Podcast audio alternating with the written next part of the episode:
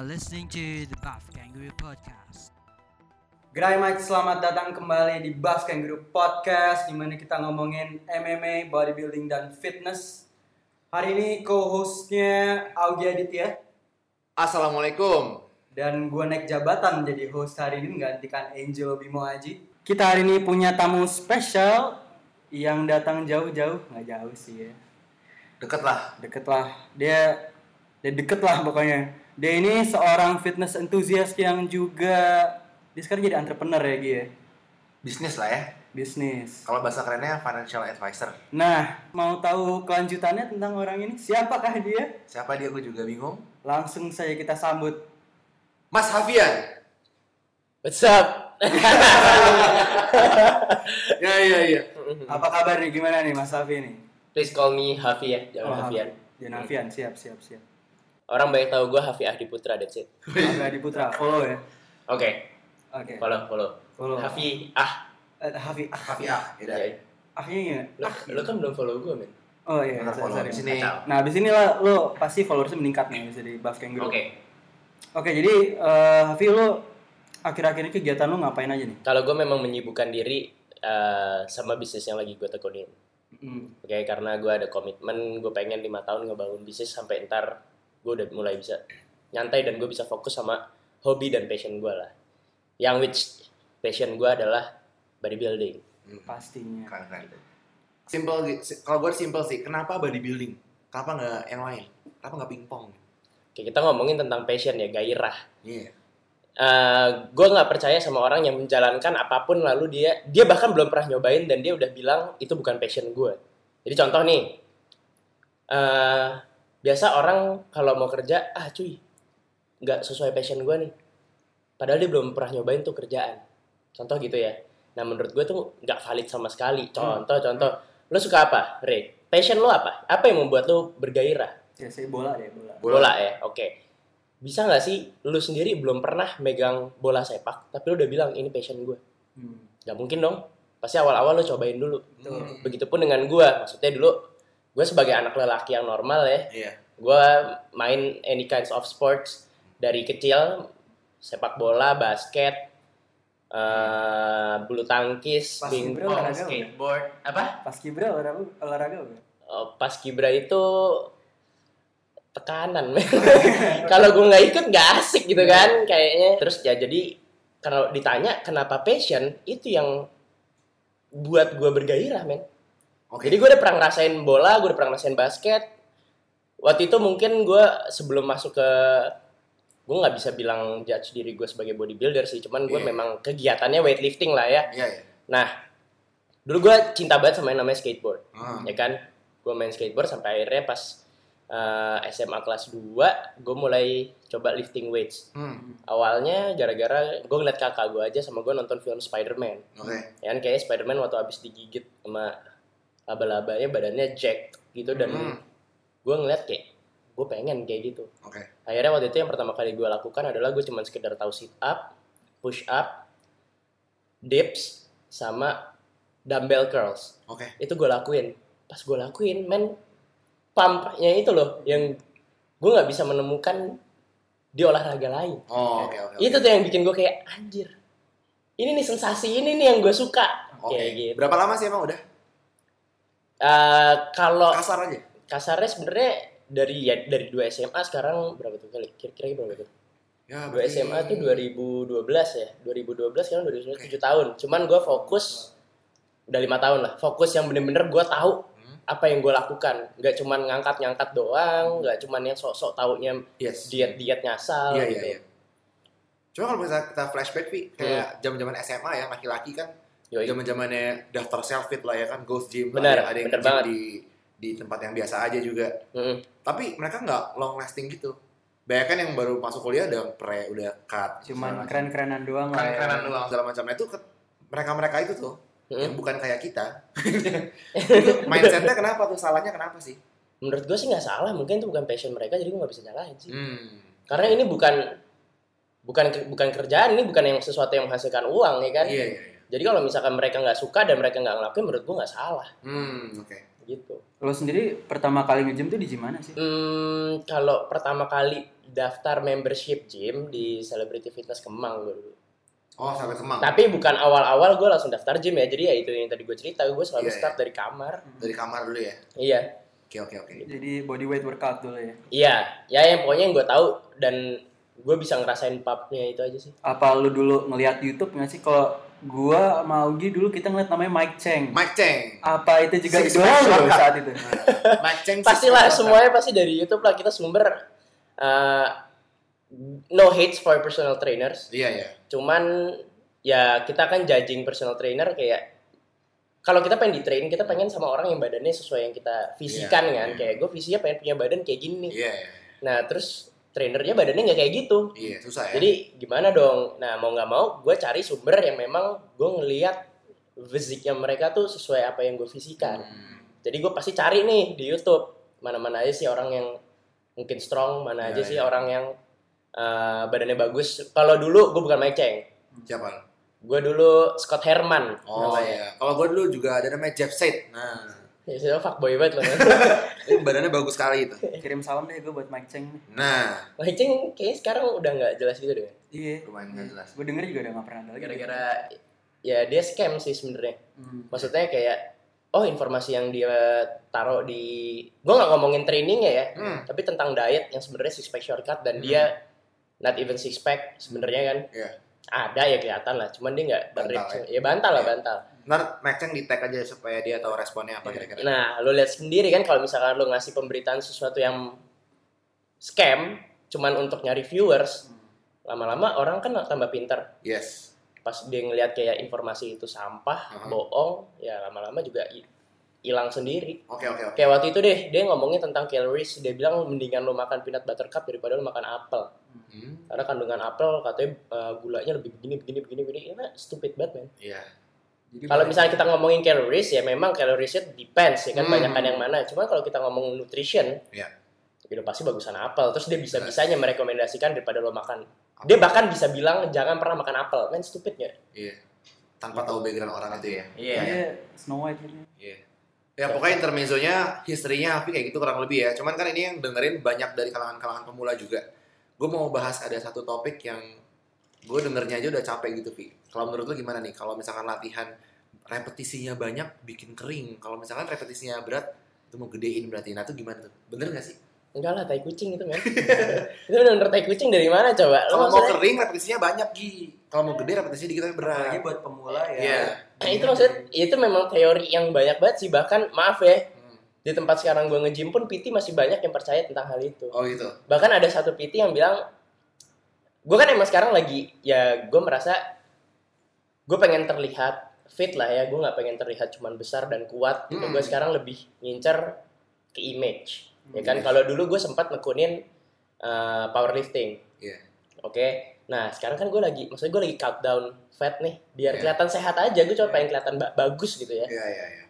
Eh, kan memang nurunin body fat pelan-pelan, biar muscle mass lu juga nggak ikutan hilang. Iya. Pelan-pelan kan, step by step. Dan gue nggak terburu-buru, gue nggak punya date, gue nggak punya deadline, Oke. ya kan? Nah tiba-tiba ada satu PT nih, kan gue berat- eh, ngecek berat badan. Bro, gimana bro? Udah turun belum? Gue bilang belum kok, gue emang pelan-pelan. Ya, lu minum whey sih. Kalau whey mah kagak bakal kering lu. Hmm. Apa maksudnya anjing? Jadi PT-PT ini lack of information banget, Iya, men. iya, setuju, setuju. Sedangkan dia punya sertifikasi sebagai personal trainer, kasihan Iya. dong yang di train. Ayo Ghost Gym dengarkan ya. Nah, habis itu juga ada PT yang bilang repetisi banyak kalau lo mau kering. Hmm. Lo main berat, repetisi rendah kalau mau gede. Hmm. Sebenarnya eh, masalah lo mau ngurangin body fat kan cuma masalah calories intake, Hmm. ya kan? Kalori berapa banyak yang lo makan, berapa banyak yang masuk, berapa banyak yang keluar. Itu udah jadiin nge-resultnya lo mau ke mana. Iya. Nah, cuman kalau ngomongin repetisi, ngomongin set, ngomongin berat beban yang diangkat, itu balik lagi ke volume workout. Iya, iya. Maksudnya apa tuh boleh berkat? Iya. Contoh, bingung. contoh. Orang-orang awam nih. Volume itu ada rumusnya. Contoh nih, kita mau bench press.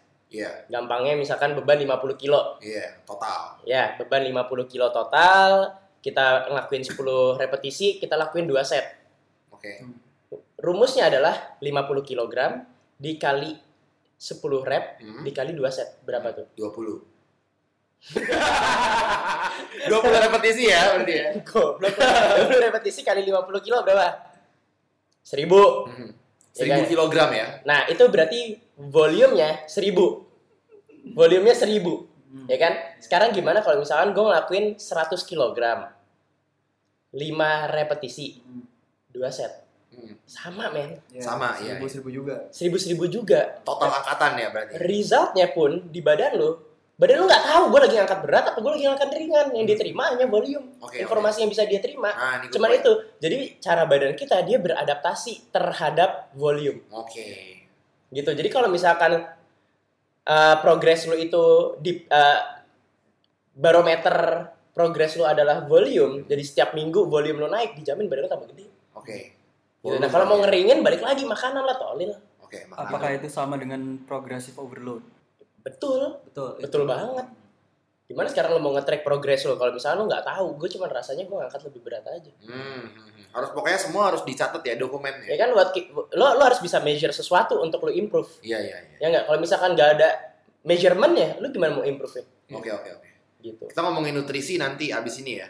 oke Gitu. Nah, sekarang mau lebih luas lagi nih, Vi. Kita kan hidup bukan cuma fitness doang nih, Rehan juga. setuju Tapi kerja segala macam kan. Yes. Apa sih manfaatnya kita latihan fitness dari mindset, dari kesehatan? Bukan dari fisik aja, tapi dari Ngaruh ke lifestyle. Iya, lifestyle ngaruhnya apa? waduh menurut gue ngaruh banget men Hmm. Kayak apa tuh? hidup tuh bener-bener analogi dari hidup tuh bisa gue temukan di bodybuilding sih. Hmm. Siap-siap apa Lo contohnya? nggak bisa dapetin semuanya dalam satu waktu. Oh, setuju banget. Lo mau ngapain dulu? Iya. Lo mau gain apa dulu sekarang? Dan lo harus started always with why. Hmm. Kenapa? Kenapa? Dulu gue contoh ya, Hmm. dulu gue selama lima tahun fokus nge-gym to reach goal gue ya. Oke. Nah, gue itu dulu ngitung yang namanya macronutrients dan micronutrients. Yes. gue tahu calories intake gue berapa, gue tahu goals gue gimana, gue tahu protein, carbohydrates, fats gue intake-nya berapa yang harus gue makan, Hmm. dan itu semua makanan gue gue timbang, Iya, iya, iya. ya kan, biar gue bisa bisa memenuhi kebutuhan gue, Iya. ya kan, lama-lama sebenarnya itu kan ngasih stres di pikiran lo, Oke. oke, nah seiring berjalannya gue berbisnis, gue mikir nih, kalau bisnis kan gue jelas gue ngelakuin A, B, C untuk nge-reach sesuatu yang gue pengen. Hmm. Nah sekarang gue ngelakuin ngitung makro, ngitung mikro, nimbang makanan, bawa makanan, eh bawa timbangan ke mana-mana. Gue lama-lama mempertanyakan sendiri nih, sorry ya karena gue bukan bodybuilder, itu bukan mata pencarian gue, itu passion gue. Oke, gue tidak menghasilkan uang dari bodybuilding Ah. sekarang. Iya. Ya, nah jadi waktu itu gue berpikir nih setelah gue jalanin 4 tahun, gue lama-lama bertanya, Vi lo ngapain ngelakuin ini semua? Hmm. Stres lo, ya kan? Lo makan nggak bebas men? Iya. stres. Hmm. Nah akhirnya sampai uh, tahun lalu 2018 awal gue mulai kayak uh, lu nggak usah bikin diri lu sendiri stres karena lu juga bukan bodybuilder Vi. Hmm.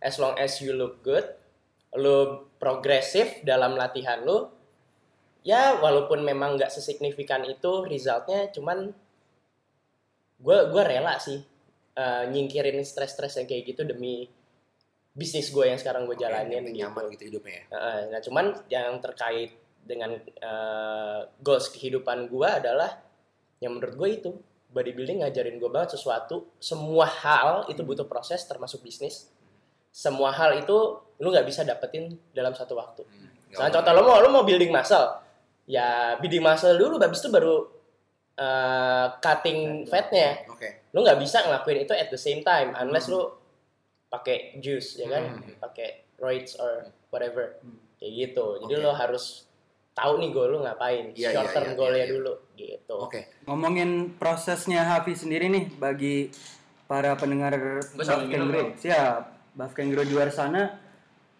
Gue kenal Hafi itu dulunya dia dari kurus ya mungkin di sini kan dia nggak bisa dilihat gitu kan dia. bisa didengar Bisa didengar saya ini suaranya yang sangat berwibawa ini dah. tai kucing Dulunya nih Hafi ini kurus nih ya.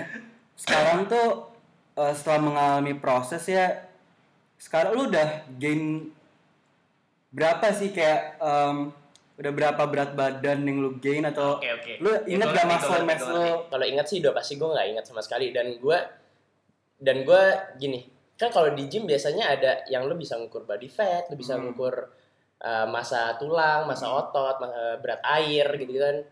Hmm, gue nggak tahu itu valid apa enggak sih data si timbangan itu Mhm. apalagi setiap kali gue pindah ke timbangan lain hasilnya beda Oke.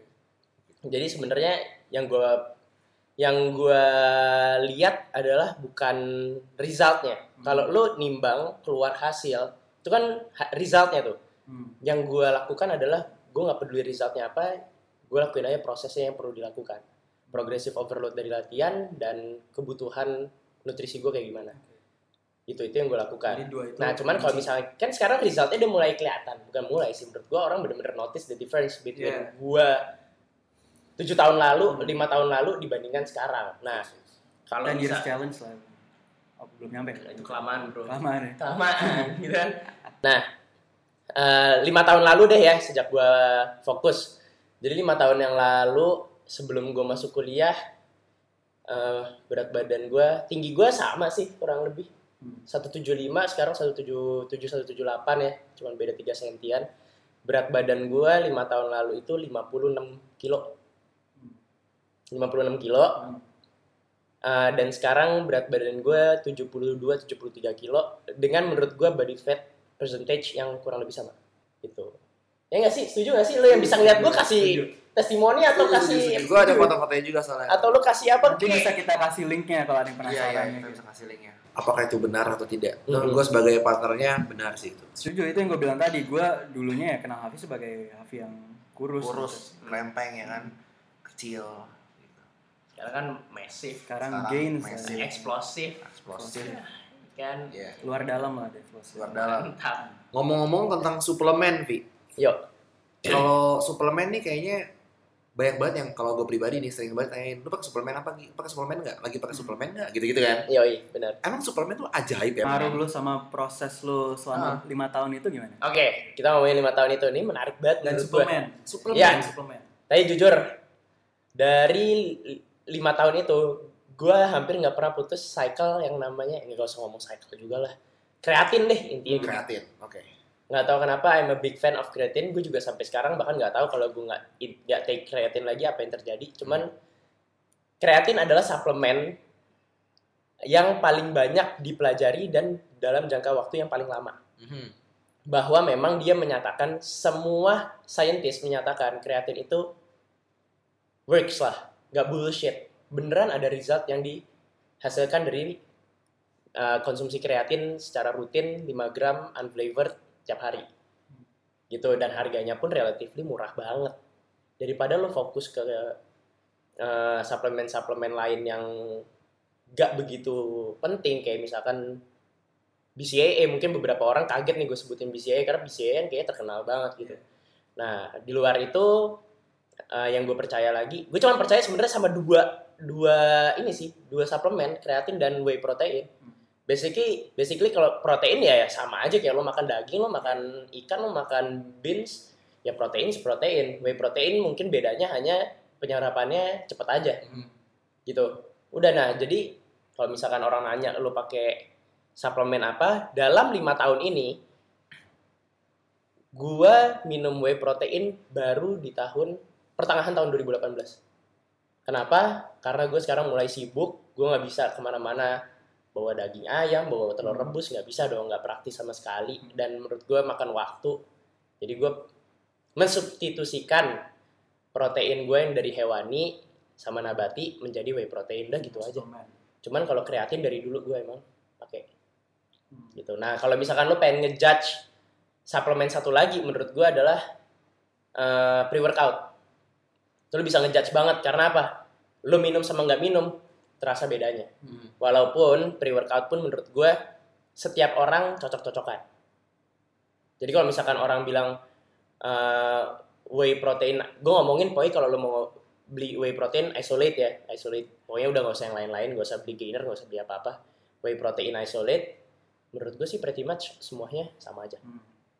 Nah, kalau poin gue, gue mau nekalin orang pakai suplemen, Mhm. katakanlah whey atau apa pun itu, garansi nggak badannya jadi. Ya kalau lo nggak ada progressive overload nggak bakal ke mana-mana lah Jadi kuncinya sih progresnya progres angkatan lo kan badan lo beradap harus beradaptasi terhadap volume yang diberikan kepada badan lu kan Hmm. Kata Arnold, shock the muscle. Shock the muscle. shock the muscle bener bener sebenarnya shock the muscle eh bangsat lu bilang shock kayak gitu anjing Itu kejut namanya kejut ya. Ya, ya, shock the muscle maksudnya adalah kasih sesuatu ot- untuk otot lo yang dia nggak pernah terima dari Iya. sebelumnya Oke. Gitu. Jadi sebenarnya kalau misalnya tapi kalau misalnya ditanyain nih Gi ada yang namanya eh, newbie gains. Ya nggak? Range lo dalam satu tahun pertama lo hit the gym udah pasti lo lihat progres udah pasti. Karena apa? Ya badan lo kaget lah. Nggak pernah adaptasi ya. iya. Gitu. Cuman kalau misalkan minum whey protein garansi jadi nggak ya? Nggak gue nggak menjanjikan juga. Kecuali lo intinya makronutrients lo terpenuhi nggak kalau terpenuhi dan lo progressive overload latihan lo udah pasti Hmm. ada progres gitu. Iya, iya. Kenapa gua ngomongin ini soalnya banyak juga orang-orang yang mikir pakai suplemen tuh langsung jadi kan. Iya. Soalnya gaya marketing mereka Kayak gitu ya. shortcut Iya, gitu iya, iya. Shortcut banget, kayak cheat gitu. Padahal enggak ya. enggak Suplemen sama kayak makanan persis ya. persis jadi sebenarnya suplemen namanya suplemen kan. Pengganti. Pengganti. substitusi doang itu Iya, iya. Ya kayak bayi aja ya pakai susu formula gitu kan. Ya Kurang lebih lah ya. kurang lebih begitulah Hmm. Ngomongin protein, ada beberapa orang yang dia bilang protein itu tuh harus lo protein intake lo harus sesuai dengan berat badan lo, dengan berapa berat LBS lo. Berapa gram gitu ya. Iya, Eh, dua kali berat badan lu iya. Lu dan misalnya misalnya, misalnya gue 70 kilo gitu Ah. protein intake gue 140 Lu, ya. Lu melakukan hal itu nggak? Lu percaya nggak dengan hal itu? Eh, kalau ditanya percaya nggak percaya, menurut gue ini cuman masalah lo mau gains lo signifikan improve nggak? Lo pengen eh, mendapatkan result yang terbaik dari apa yang lo lakukan nggak? Kalau misalkan lo beneran pengen, menurut gue itu pasti ada efeknya. Hmm. Yalah, masa orang yang cuman intake-nya orang yang seberat gue ya, kita ngomongin berat 70 kg, dia intake-nya proteinnya cuma 80 gram dan orang lain intake-nya eh, 140 sampai 180 deh. Nah, dengan workload yang sama, misalkan genetiknya sama, pasti hasilnya beda. Pasti, karena memang protein itu ibarat bensinnya otot sih, gue nggak bisa bohong. Iya. Jadi Nah, gue setuju. Kalau bisa ditanya, setuju nggak? Setuju. Setuju ya? Setuju. Cuman necessary nggak? Harus nggak? Hmm. Enggak. Enggak, karena gue sendiri dulu protein intake gue 180 gram konstan setiap hari. Berat badan gue 70 atau 68. Sekarang protein intake gue di bawah itu masih progresif nggak? Masih. Hmm. Cuman mungkin kalau gue boost protein gue sampai 180, progresnya lebih signifikan lagi. Gitu. Menurut lo, apakah mungkin ini kembali lagi ke genetik? Mungkin genetik lo juga ada advantage dengan lo protein yang cukup aja lo bisa gain segitu. Mm-mm. Atau mungkin ada orang yang dia genetiknya bener-bener kurang nih, tapi dia proteinnya dua kali lo, jadi bisa kira-kira bisa gain muscle sebanyak lo gitu. Menurut lo dengan genetik ini gimana? Pengaruh genetik? Seru nih, seru. Menurut gue, gak ada yang bisa ngalahin genetik, men. Hmm, gue setuju banget sih. Iya Genetik nomor nomor satu. Nomor satu, men. Gue boleh nge-quote Callum Von Moger ya dia shout out sama dia. Dia tuh bodybuilder Australia. Ya gue suka ngikutin lah YouTube-nya dia Callum. Menurut dia tuh genetik juga nomor satu. Nomor satu lah, men. Lu pernah gak sih lihat orang yang dia nggak ngapa-ngapain? Eh, dia kelihatan... Ya, lihat Augie deh. Iya. Iya. Dia ngapa-ngapain sih ya. Enggak, enggak. Sorry, sorry. Dari SMA, gue gak tau. Gi, anjingnya anak bogemnya gede banget ya. Tangannya nih, tangannya nih. Iya. Iya. Ya kan, tulangnya gede. Tulang Abis gede. itu dia uratan, ya kan. Tititnya. ya. Ini ceweknya gimana nih? Enggak, maksudnya ya lu bisa bisa ngejudge orang kan. Makanya itu kenapa ada endomorph, eh, mesomorph sama ectomorph, ya kan. Eh, dan untuk muscle growth juga ada orang yang kayak anjing orang latihan jelas tapi badannya bagus banget. Hmm. Jadi menurut gue genetik itu mah udah paling udah menjawab semuanya lah. Iya. Walaupun ya kalau genetiknya juga nggak dimanfaatin nggak bakal jadi apa-apa Hmm. Cuman sekarang kalau misalkan lo lihat eh kita lihat yang ekstrimnya deh, Mr. Olympia. Kenapa ada orang yang bisa menang sampai 8 kali? Hmm. Besides the politics ya. Iya. Ya karena memang genetik dia so far yang terbaik dibandingin yang lain. Kalau ditanya determination semuanya pasti Pasti punya. nggak nggak mungkin setengah-setengah untuk Iya. bisa jadi Mr. Olympia gitu loh. Nah, jadi menurut gua genetik ya itu dia sih kuncinya. Ada satu isu lagi nih Vi yang gue pengen clearin ke lu kalau di lingkungan gue sendiri nih banyak yang bilang gue mau kering. Ini buat yang nggak tahu kalau kering tuh maksudnya adalah kita tuh Shredded. iya shredded. Jadi otot kita tuh timbul. Gue mau kering. Body fatnya low lah. Yes. Jadi kayak kalau cowok tuh six pack kelihatan bicep segala macam gue mau kering nih. Itu kalau gitu gue makan bersih. Ya. Gue pakai Nah. nasi merah. Ya. Gue pakai ayam rebus segala macam tapi Ah. mereka have no idea tentang kalori apa pun. Yang Ah. mereka tahu cuma makan bersih ya. Nah itu gimana tuh tanggapan lu?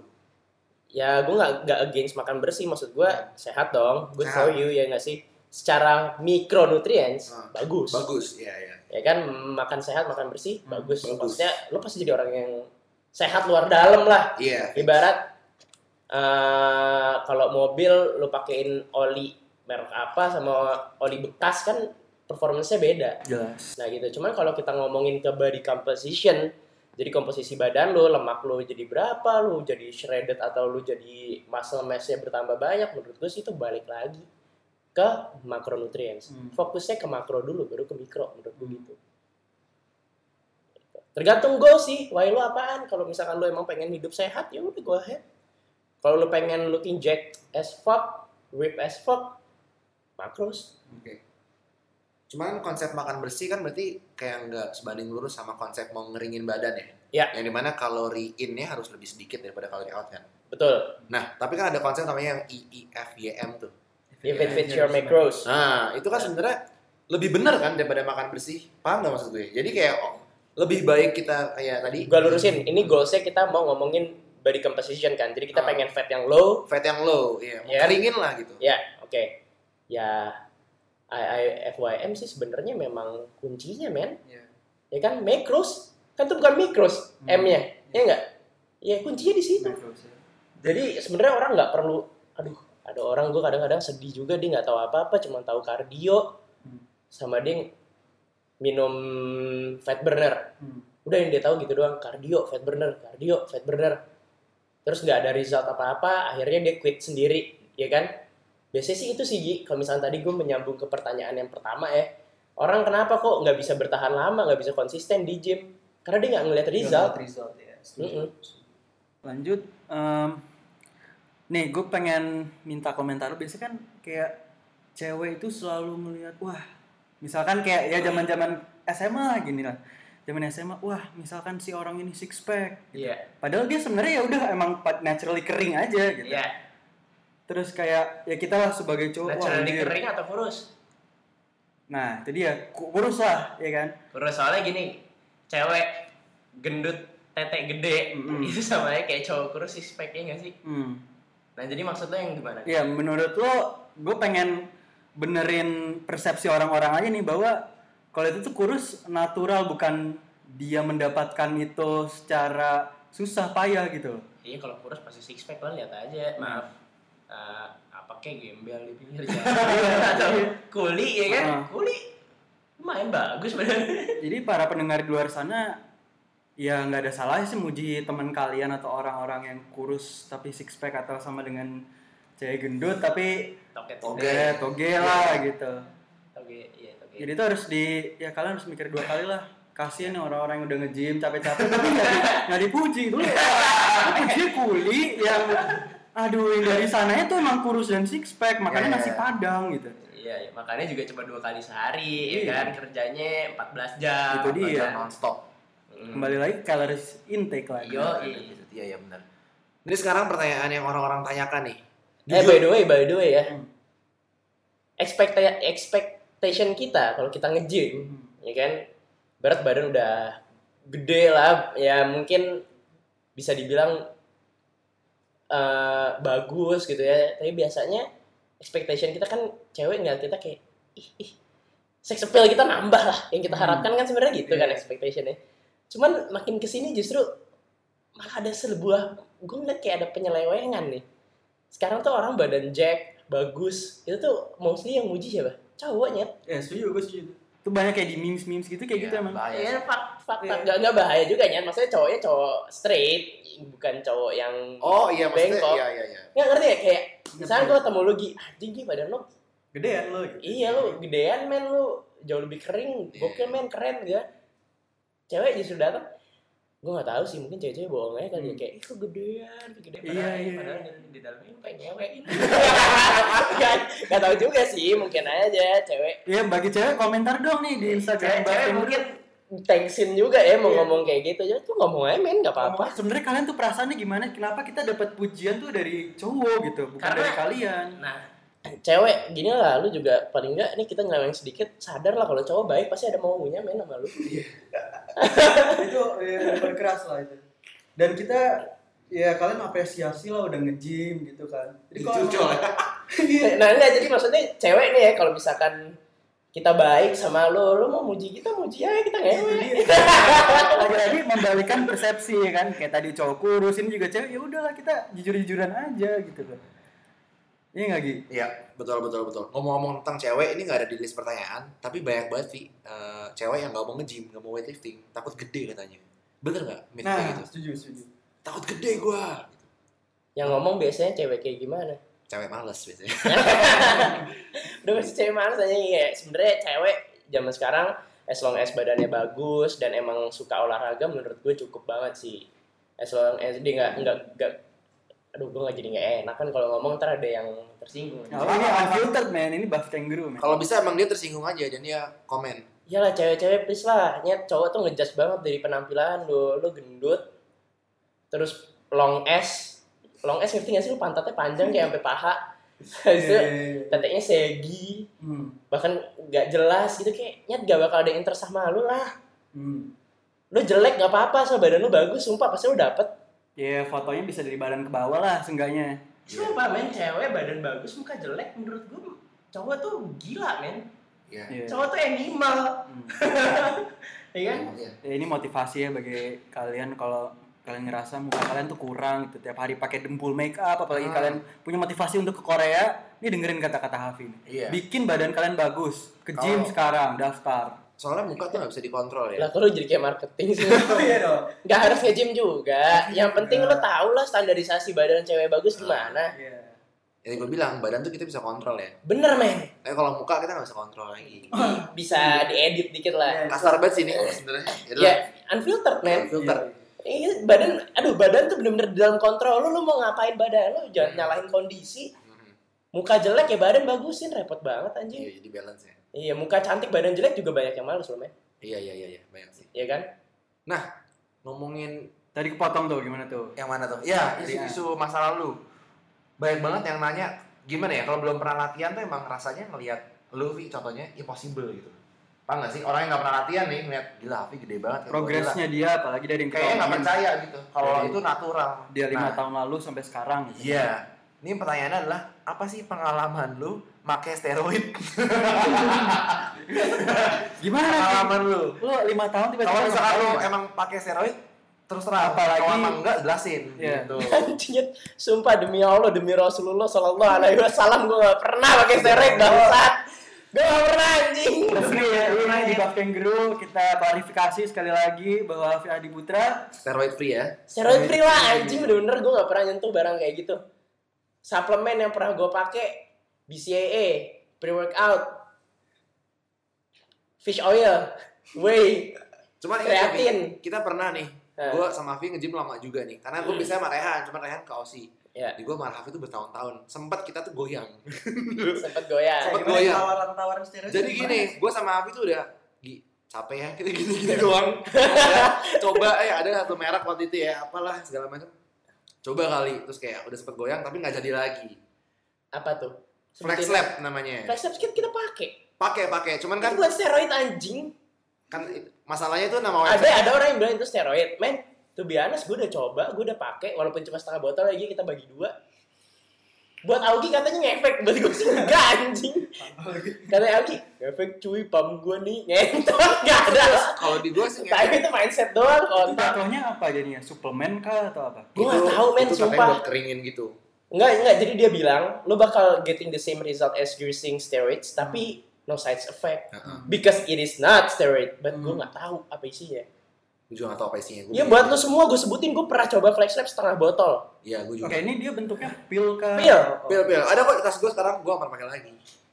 buat gue soalnya nggak ada efek ya cuman kalau misalkan kita pengen pengen misalnya gini nih Augie kita bikin yang bener-bener itu cuma setengah botol dan kita pemakaian gak rutin sama sekali karena kita potong puasa ya kan? Iya, coba misalkan kita bener-bener oke masing-masing beli satu botol kita pakai kita track progresnya tapi progres itu harus bener-bener niat. Iya. makanan dikontrol terus eh, latihan lo teratur nah itu lo baru tuh. Tiba-tiba lo jeblok jeblok jeblok jeblok berarti itu emang beneran ada something. Hmm. Gitu karena menurut gue sih itu gak ada efeknya sama sekali Nggak ada. terserah y- ya audiensnya bisa ngejudge gue lah gue pakai flagship setengah botol Hmm. dan buat gue gak ada efeknya sama sekali Oke. itu gue pakai yang apa Gi? ada dua macam kan kita pakai yang buat ngeringin Iya, katanya gue ya pengen keringin. Apa lah, lupa gue juga sih. Jadi Gue ada kok, ntar. Jadi kayak makruh gitu dong sebenarnya. makro gue gak ngerti anjing Oh, iya. dibilang pro hormon juga bukan pro hormon kok Kalau misalkan ada yang mirip nih, hmm. namanya nggak tahu ini kalau di Australia ya. lu deket Oh iya, deketan deketan mic nih kata Afi. Iya. Ada yang namanya testosteron booster. Iya, iya. Itu- ah itu gue pernah gue pernah gue pernah dikasih Oke. Itu dia Gua dikasih makan sama dokter. apa bukan? Sama dokter, oke. Bah, bukan karena gue dulu testosteron ya Enggak dokter ini sama-sama nge-gym tot Please lah Itu kan kayak gue dicek testosteronnya tuh kayak testosteronnya rendah harus pakai testosteron Enggak ngentot Jadi isinya tuh tribulus sebenarnya Tribulus tuh tumbuhan yang memang katanya saintis udah membuktikan bahwa memang bisa bisa membantu Hmm. ya kan untuk mengoptimalkan produksi testosteron lo hormon testosteron. Oke. Nah sekarang pertanyaan gua adalah kita ini masih usia-usia produktif testosteron nih. Hmm. Ibaratnya kalau kita ini pabrik testosteron, pabrik sperma, Hmm. pabrik kita ini udah memberikan demand setinggi tingginya. Ibaratnya kita udah bisa nge kalau pabrik tuh ngeluarin apa sih ada demand ada Supply. supply. Kita ini udah menyuplai semaksimal mungkin di usia kita sekarang dua range ya 17 masa-masa subur lah. Pabrik kita ini udah udah push semua supply. Maksimal udah nggak bisa lagi. Udah paling optimal nih. Lu mau ngebus pakai tes bawang tribulus nggak bisa nyet. Itu ibarat lu nambah karyawan tapi mesinnya sama. Hmm. mesinnya segitu doang. Kapasitas dia untuk memproduksi sperma sekian lu tambahin karyawan nggak ada perubahannya. Mentok gitu. gitu. Jadi waktu itu sebenarnya uh, ada dokter satu gym sama gua dia beli cuman katanya gue pakai ini jerawatan. Ini beneran dokter by the way legit dokter. Hmm. buat lo Ivy gue pakai kan? Hmm. nggak ada perubahan. Hmm. bener-bener nggak ada sama sekali. Maksud gue bukan nggak ada perubahan ya udah. Gue nggak progres yang tiba-tiba jadi angkatan lebih berat. Nggak nggak nggak sama sekali. Mungkin biasa biasa sih gue paling bisa ngejudge kalau misalkan emang ada perubahan ya angkatan lu meningkat ya nggak sih? Iya. gitu. Ini nggak ada sama sekali kok Mungkin buat orang yang di atas usia sekian. setuju. jadi misalnya lu mau udah masuk range kepala 4 nih atau 40 sampai mungkin 45 ya kan? Yang ngacengnya udah mulai milih-milih. Hmm. nah itu mungkin bisa tuh lu pakai itu. Mungkin. Gua pun bilang mungkin gitu. Clear dong? Oke. clear banget. Cuma jangan diudahin nih gua masih pengen ngomong. Iya, iya. Eh, cewek juga boleh. Ngomongin steroid lagi nih. karena Karena ini emang menurut gue ini salah satu yang paling dicari nih sama orang nih tentang steroid. ya itu kan? sebenarnya kan orang-orang yang nggak sabaran aja kan Iya. gue baru kok eh, kemarin Hmm. kemarin lihat bener-bener less than 24 hours baru kemarin Hmm. gue diajakin Vi gue pengen ngajak ketemu si A nih Hmm. kenapa iya gue pengen nyuntik bareng sama dia gitu kan terus gue bilang wah anjing ini ngapain nih sabar aja kayak gue gue bilang kayak gitu Hmm. Jadi emang steroid tuh orang tuh udah kayak ya orang basicnya nggak sabaran aja sih Steroid itu harganya berapaan sih kalau tahu? wah Kalau demi Allah kalau misalkan gue kurang tahu sih men kurang tahu ya. gue kurang tahu cuman gue kenal sama suppliernya kalau gue bukain WA nya kadang-kadang dia ngeblast gitu sih dia nabol apa apa gue nggak ngerti tapi sebenarnya Karena nggak tahu sih gue mikir kayak mungkin aja ya lu kan beli suplemen whey aja udah satu berapa sih on whey-nya on berapa? 1,2 jutaan ya. 1,2. Say 1,2 itu untuk berapa lama tuh? Tergantung pemakaian sih. Tergantung kan. Tergantung lah Kalau gua soalnya pasti sehari dua scoop Hmm. Sebulan gue bisa. Ya lu bayangin. tiga scoop lah Hmm. jadi tergantung Kalau misalkan steroid 1,2 gitu, cycle-nya tiap 3 bulan, ya mungkin bagi orang kayaknya nggak mungkin deh men pasti lebih mahal kayaknya Iya. mahal deh steroid apalagi yang gue tahu ya temen gue cerita ya tapi ada di samping ada cycle-nya lu pun kadang dengan dosis segitu ya badan lu udah beradaptasi jadi lu harus nambahin dosage lagi kan Hmm. Dan itu sebenarnya kan drugs man. Iya. Drugs yang ilegal, Hmm. iya kan? Iya. Ilegal. ya sebenarnya apa bedanya sih sama narkoba gue ngeliatnya begitu gue ngeliatnya kayak gitu Komentar lo sendiri sama orang yang memakai steroid gimana? nggak apa-apa kalau emang lu mau jadi bodybuilder kalau lu cuman pengen kelihatan jack Sayang. buat apa sih sengotot itu kah hidup lu. Mendingan lu benerin faktor-faktor X yang lain kayak jam tidur mungkin makanan Apalagi masalah harga juga tadi mungkin aja lebih mahal dari whey. Jadi kenapa lu nggak beli suplemen? lagi? whey sih menurut gua pasti lebih mahal Iya.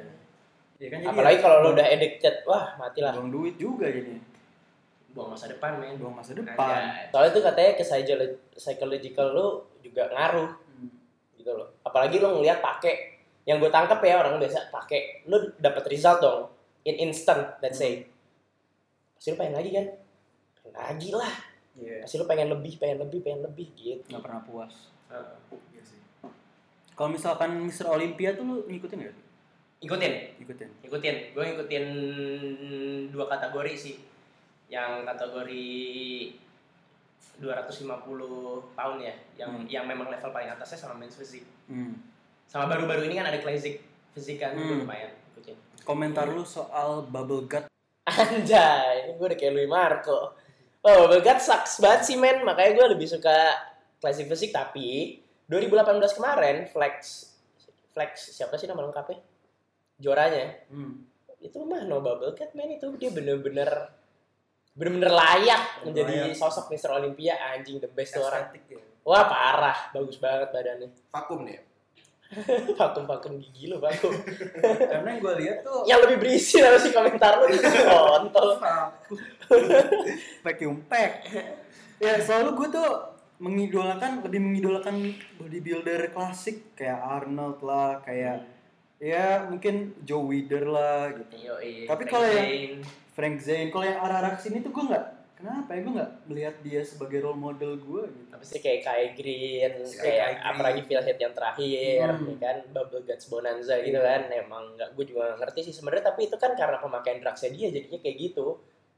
Intention dia kan nggak mungkin gue pengen punya fisik yang gutnya muncul Hmm. bulat gitu kan itu kan sebenarnya bukan intention mereka cuma karena dia pakai drugs yang menyebabkan apa sih sebenarnya liver atau apa sih yang bikin dia gendut itu juga nggak Nah tahu. itu gue juga nggak tahu tuh kenapa. Ya mungkin kalau kalian Tapi tahu. itu gara-gara drugs. itu gara-gara Gara-gara drugs yang mereka pakai yoi Itu di legalin nggak sih sebenarnya di Olimpiade pemakaian steroid? enggak lah. Tapi emang kan dia kan ada kontes yang natural show gitu kan dan itu drug tested ya enggak itu drug tested kalau yang drug tested ya itu pun gue juga nggak tahu. Ada yang bilang drug tested sebenarnya ya udah lu stop aja cycle for a couple of months lu di drug tested udah clean. Hilang. Iya. nah itu gue nggak ngerti deh. Dan menurut gue itu bukan ranah ke gue juga sampai ke sana gitu. Karena gue sekali lagi gue bukan bodybuilder itu bukan mata pencaharian gue di sini gue cuman orang yang passion lah di Hmm. weightlifting dan bodybuilding gitu Oke, ini kita udah masuk ke segmen akhir. Dari gue nih pertanyaan terakhir ya. Oke. Gue nggak tahu dari Augie. Eh, Nggak pertanyaan sih sebenarnya lebih minta pernyataan dari lo. Em, advice untuk para pemula em, yang mau menekuni dunia bodybuilding ini apa sih? oke bagus nih anjay Eh, yang pertama lo harus punya goals jangka pendek yang jelas Wih, banyak dia ngelihatnya apa? Nyet gue pengen jadi Jeffset waduh ngentot. Itu kejauhan men. Gak realistis ini. itu kejauhan. Jeffset itu bisa dapetin badan kayak gitu dia latihan dari umur 12 tahun. Sekarang umurnya berapa? Dia udah ngelakuin proses secara konsisten. Sudah berapa tahun? Menurut gue lu ngelihat ke diri lu sendiri aja. Be a better you lah gitu kan. Lu ngejudge diri lu dari kaca. Dan latihan gak usah berlebihan banyak banget tuh orang latihan berlebihan ujung-ujungnya overtrain. Bilang overtrain bullshit padahal enggak. Overtrain itu exist. Hmm. karena apa? Badan lu belum bisa beradaptasi terhadap apa terhadap beban atau volume yang terlalu banyak. Hmm. santai-santai aja latihan pelan-pelan. Dan full body workout yang penting rutin disiplin. Hmm. karena banyak orang dia nge-push di awal. Satu bulan nih latihan bolosnya cuma 4 tiga kali Ya kan, sisanya latihan, latihan, latihan, latihan, latihan, latihan. Mau masih sore juga dia latihan lagi. Ujung-ujungnya kan juga resultnya nol. Iya. Nah dari situ tuh biasanya dia kayak anjing gue kayak gini latihan capek-capek nggak jadi apa-apa. Iya, iya. Akhirnya udah deh mulai ada virus-virus pakai roid aja bro, Iya. ya kan mantap. Antara itu atau dia quit Jadi- sekalian. Menurut gua adalah pelan-pelan. Lu percaya aja sama proses yang lu lakuin dan jangan pernah stop belajar. Banyak orang cuman katanya katanya nyet jangan katanya lu cari research lu sendiri. Kira-kira apa yang perlu dilakukan sebagai beginner? Kayak gitu, nggak usah dengerin kata orang lain. Mungkin orang lain bisa ngomong kayak gitu karena it works for him, for her, but not for you, ya kan? Lu cari bener-bener yang menurut lu datanya valid atau informasinya valid. Di YouTube sekarang kan banyak banget orang yang smart-smart. Iya. Yang dia ngasih informasi dan dilengkapi oleh sumbernya. Gitu. Last dari gue, gue pengen di nextnya uh, podcast ini dari Luffy kira-kira siapa yang harus diundang sama Mas Rehan? Dan Mas, Mas Algi juga ya? Iya, sama Buff Kangaroo. Siapa yang harus diundang? Gitu. Nanti biar gue tag nih, kata Hafi, lu harus sini. Gitu. Menurut gua Bayu. Bayu Aji. Wah men. Wah men, gue tuh suka sama dia. Suka, bukan suka suka gitu. Maksudnya, Oke. maksudnya maksud gue dia dia itu bener-bener mengedukasi orang dengan sabar. Setuju pak, setuju pak. Dengan sabar men, informasi yang dia kasih di Instagramnya. Karena lapaknya dia di Instagram kan dan followers dia meningkat significantly loh men. Parah parah. Karena dia konsisten. Gue cuma ngeliat dia konsisten, Konsisten. dia ngasih advice yang benar, Ah, diulang-ulang terus karena dia tahu audiensnya selalu tolol. setuju, setuju. Orang-orang tolol bergantian Setuju. datang, tapi keluar misalnya orang datang ke IG dia ke page dia belajar, Ah, dia cabut karena dia udah educated. Setuju, setuju. Lalu ada orang uneducated lagi yang datang. Dan Iya. itu kan muter-muter terus sebenarnya. Dan menurut gua Bayu itu udah paling konsisten dan paling sabar dan informasinya menurut gua selalu benar. Setuju.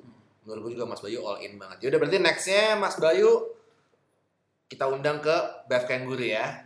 Harus. Harus. Mantap. Sip. Yes, Mas Bayu nih, aduh suhu kita ada Rai lah ya. Iya. Mudah-mudahan nih kalau Mas Akram juga soon akan kita undang. Adia Novali juga. Oke, ini ada empat nama nih ya. Heeh. Kita janji bakal undang. Oke? Mantap, janji men, janji. Janji itu tuh komitmen men. Komitmen.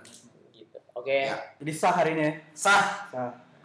Ya buat kalian yang udah denger bosen nih dengerin suara gue kan biasanya Angelo nih yang Ah. gue kan biasanya jadi Angelo tuh siapa? Angelo tuh dia host kita, main host kita. Tapi hari ini digantiin sama gue Kenapa? karena dia ada urusan lah hari Bucin ini. lah ya. Iya urusan lah pokoknya ada urusan dia. Bumek, bumek. Tapi ya em, kita pasti akan munculin podcast podcast MMA lagi, bodybuilding lagi juga pasti, dan juga fitness dan lifestyle buat kalian semua.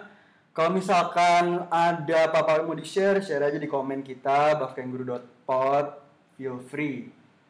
Oke dari gua Raihan Bamahri signing out. Augie juga. Hafi tamu kita makasih juga nih Kak Hafi nih ini tamu em, dari sisi bodybuilding bo- bodybuilding podcast kita yang pertama makasih banget Hafi udah dateng My pleasure, brah. Oke. Sign it out, bitch. Bye. Ya udah ciao Bella